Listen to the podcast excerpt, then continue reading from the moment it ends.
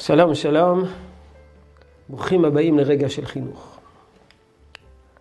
אתמול הזכרנו מאמר חז"ל אחד שמתאר את התהליך של הגיבוש הזהות העצמית.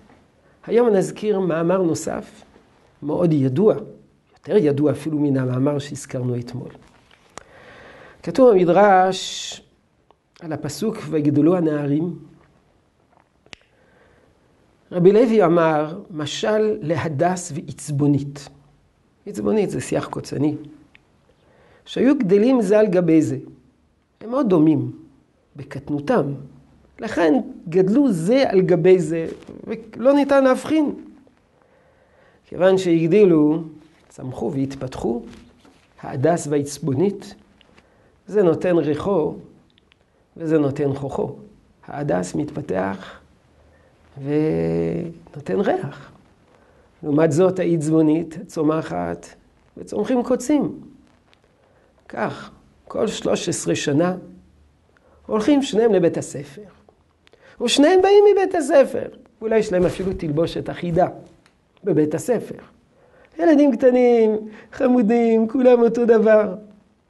לאחר 13 שנה זה הולך לבתי מדרשות, וזה הולך לבתי עובדי כוכבים. זאת אומרת, ילדים קטנים משקפים את ההורים, ברא קרא דאבוה. בגיל 13 אה, מתחילה להתפתח האישיות שלהם, ומתחילים לגלות את הנטיות השונות ביניהם. ואחד נמשך לקודש, ואחד נמשך לטומאה. זה לא מוכרח להיות בדיוק בגיל 13, אבל זה מתחיל בגיל 13. אני מזכיר, גיל 13 זה גיל הבר מצווה.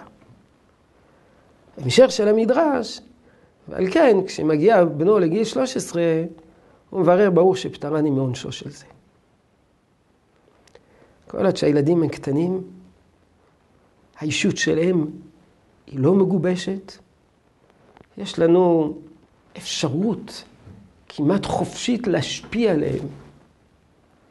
ואז אה, אם אתה לא משפיע, אם אתה לא מחנך, אתה נענש.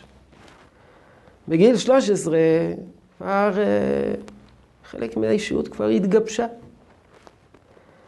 ואז אה, כבר לא ניתן כל כך, ניתן, אבל לא באותה מידה להשפיע עליהם ולהכניס ולהחדיר אלמנטים שהשתלבו בתוך האישיות שלהם. ואז ברור שפטרני מעונשו של זה. אני כבר לא, אין לי כבר אחריות או יכולת מלאה על גיבוש הזהות שלו. כמובן, עדיין אפשר להשפיע, כבר הזכרנו שבימינו ישנה התבגרות מתמדת, וזה נמשך כבר לעתים עד גיל 25, שעדיין הנער הבוגר מחפש את עצמו, אבל לא הושלמה האישיות שלו. אבל גיל 13 הוא בדיוק גיל הבר מצווה, כבר מתחילה להתפתח האישיות. וזה מה שאומרים חז"ל במדרש הזה. יהי רצון שתשרה ברכה בעבודתנו החינוכית. שלום שלום.